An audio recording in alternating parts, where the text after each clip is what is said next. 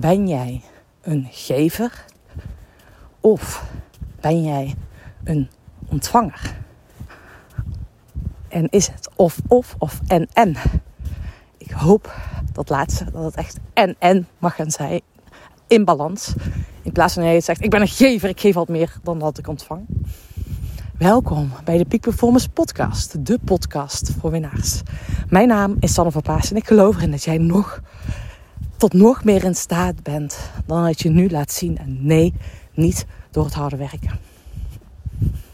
En vandaag wil ik daar echt een hele mooie, waardevolle, inzichtvolle, niet te lange podcast delen. Uiteraard tijdens mijn wandeling. En ik begon het al net over. Ben jij een gever? Ben jij een ontvanger? Schaar je jezelf meer onder het een dan onder de ander. En vooral als je zegt, ik ben een gever. Ik geef liever eerst meer. Ik hou liever rekening met de ander. Jeetje, je kan toch niet alleen maar aan jezelf denken? Hallo, je hebt toch ook rekening te houden met die ander? Oké, ik begrijp dat je dit zegt. Rekening houden met de ander. Die ander iets geven. Maar geef je die ander te veel terwijl dat je jezelf jouw ruimte kleiner maakt. Dus jezelf geen ruimte geeft. Of ben je in staat om te geven terwijl dat je zelf ook werkelijk blijft staan voor waarvoor je staat. En als ik even gewoon meeneem in een concreet praktisch voorbeeld, zag ik gisteren heel mooi tijdens een teamsessie gebeuren. Eén deelnemer die had echt over, ja, maar ik ben echt de gever. Weet je, en daardoor ben ik goed voor het team. Was zijn overtuiging, is zijn overtuiging. En dit is echt een bullshit overtuiging overigens. Want het enige is wat een team wilt, of dat nou in een team is, of dat in een familie is, binnen je gezin. Als jij je wegcijfert ten koste van jezelf, ja, dan kan je lekker die bullshit overtuiging hebben dat jij een gever bent en dat het dan goed is voor die ander dat je te veel geeft. Maar in werkelijkheid, als jij te veel ruimte aan die ander geeft, want dat is dan wat er gebeurt. Je ontneemt zelf de ruimte, hè, dat het ten koste van jezelf gaat. Dat voelt die ander in de onderstroom. Dat voelt ongemakkelijk voor die ander. Want die, die ander die weet gewoon, jij doet jezelf tekort. Misschien niet bewust, maar wel onbewust. Voor je kinderen is het echt cruciaal. Als jij je wegcijfert voor je kinderen. En jij denkt dat je je kinderen een cadeau geeft. Je geeft je kinderen belast, ballast, een belasting.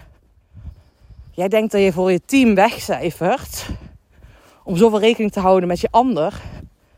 Terwijl je te kosten gaat van jezelf. En je denkt dat het goed is voor het team. Maar het is ballast voor het team. Want jij hebt informatie voor het team. Jij bent, jouw kwaliteiten heeft het team nodig om een team compleet te zijn. En wat ik dus gisteren zag gebeuren. Wij deden een heel mooi spel. Ik uh, vind het ook heel mooi zeg maar, om mensen bewust te laten worden. Welke patronen stappen wij als team? Door middel van spellen ook af en toe even de energie switchen. En dit was een spel waarbij je echt super frustrerend spel. Je moet nummers op een lijn zetten. Je weet, ik weet niet of je dat van vroeger kent. Uh, dat je zo'n klein puzzeltje hebt, handpuzzeltje, met, die je moet schuiven, waarbij één vakje leeg is. Dan moet je al dat puzzeltje op zijn plek schuiven. En dat kan allemaal door bepaalde cirkels. Maar als je dit dus in het groot gaat doen, hoe je nummers in een lijn kan leggen met je team. Nou, en dit team die ging echt rete goed. Echt bizar goed. Ik heb nog nooit een team meegemaakt die echt zo goed ging. Echt bizar. En er was één iemand die zag heel goed hoe het moest. Maar hij, op sommige momenten had hij gewoon moeite om het overzicht te bewaren. En er was iemand anders die echt, weet je, die had het overzicht over het overzicht. Dat is een knappe gave, hè? als je het overzicht over het overzicht hebt. Er waren ook een aantal bij die gewoon uitgelogd hadden.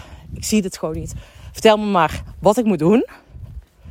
En er waren twee die, die het spel, spel snapten.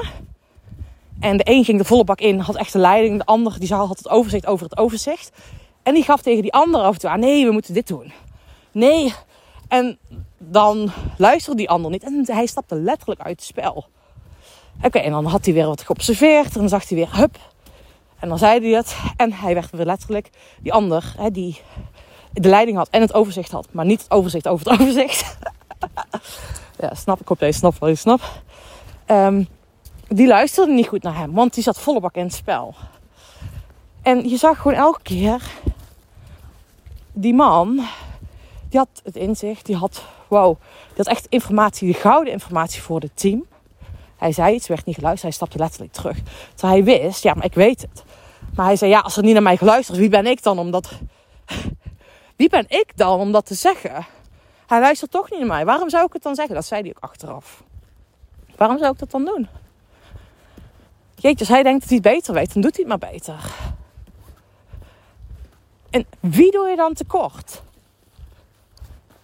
Sowieso doet hij het team tekort. Maar ook zichzelf. Hij maakt zich veel kleiner. Je zag ook gewoon letterlijk dat hij uit het spel stapt. Hij zette stap naar achter en was uitgelogd. Terwijl er zoveel waardevolle informatie in zat. En later zei hij, ja, ik ben echt een gever. Waarbij ik rekening hou met de ander. Dus als er niet eens ruimte is om te geven, doet hij het ook niet. Terwijl het wel goed is voor teambelang. Hij maakt zich veel kleiner, is wat ik wil zeggen. Ook met de gever. Hij is zoveel bezig met de wereld om zich heen. Dat hij gewoon te kosten maakt van zichzelf. Dus in het ownen van jouw plek, in leiderschap. Het team had hem echt hier heel erg nodig. Maar hij maakte zich kleiner. Ja, je kan nu zeggen, maar Sanne, hoezo is hij een gever als hij zich terugtrekt? Hij geeft zijn plek weg. En dat bedoel ik. Hij geeft zijn plek weg. Hij maakt letterlijk ruimte voor die ander, waardoor het ten koste gaat van zijn eigen ruimte. Hij geeft zijn plek weg. Dat is ook geven. Sta jij wel werkelijk op jouw plek als jij een volle gever bent? Pak jij, jij jouw plek dan nog wel? Of geef jij jouw plek ook weg? Jouw plek als leidinggevende, jouw plek als in de rol die je hebt, jouw plek in jouw rol als ouder. Waarbij je dus je helemaal wegcijfert. Zodat het ten koste van jouw eigen ruimte gaat. Ik hier, jij daar. Jij ruimte voor jou, ik ruimte voor mij. Maar niet ten koste van alles. Ja, en ik ben hier best wel fel op, hè. Ken je, ik moet jou even aanlijnen. Kom, hier. Mooi. Ik ben hier echt fel op. Want, goh, ik...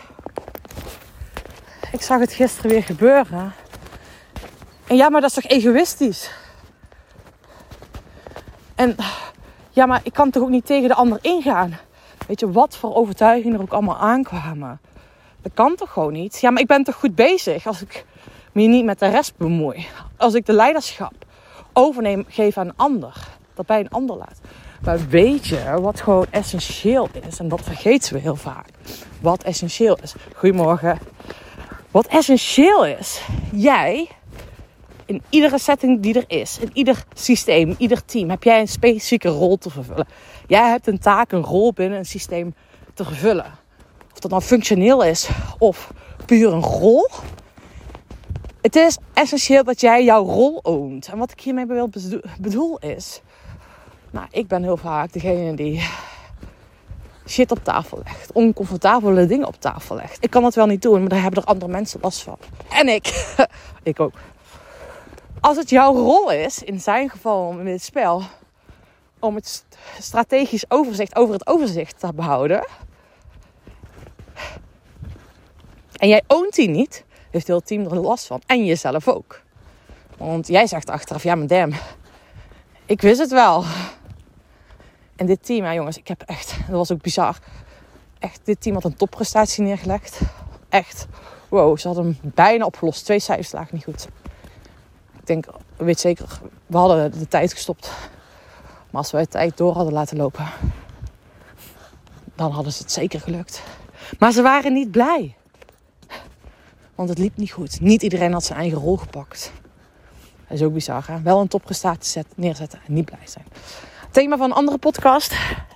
Dus own je plek. Kap met het zeggen dat je een gever bent. Doe je niet alleen jezelf tekort, ook je omgeving. Dus kap ermee. Maak ruimte voor jezelf en ga staan waar je voor moet staan. Spreek datgene uit wat je uit moet spreken. Oh, pak die ruimte. Ook al is het spannend, ook al is het oncomfortabel, ook al krijg je weerstand. Sterker nog, Jij krijgt weerstand op het moment dat jij jouw plek in gaat nemen. Zo simpel is het. Dus be prepared. Op het moment dat je dit gaat switchen, mag je verwachten dat je omgeving gaat reageren. En misschien niet eens altijd positief, want er is een verandering gaande.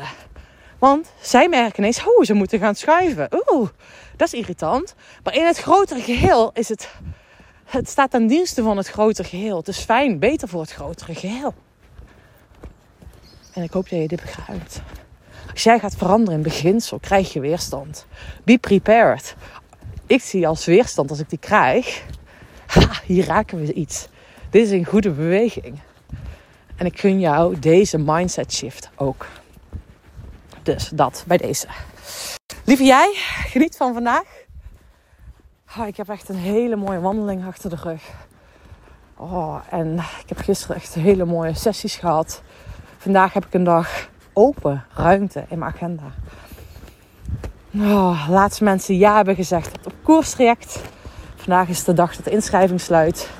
Even wat dingetjes rechtzetten daarvoor.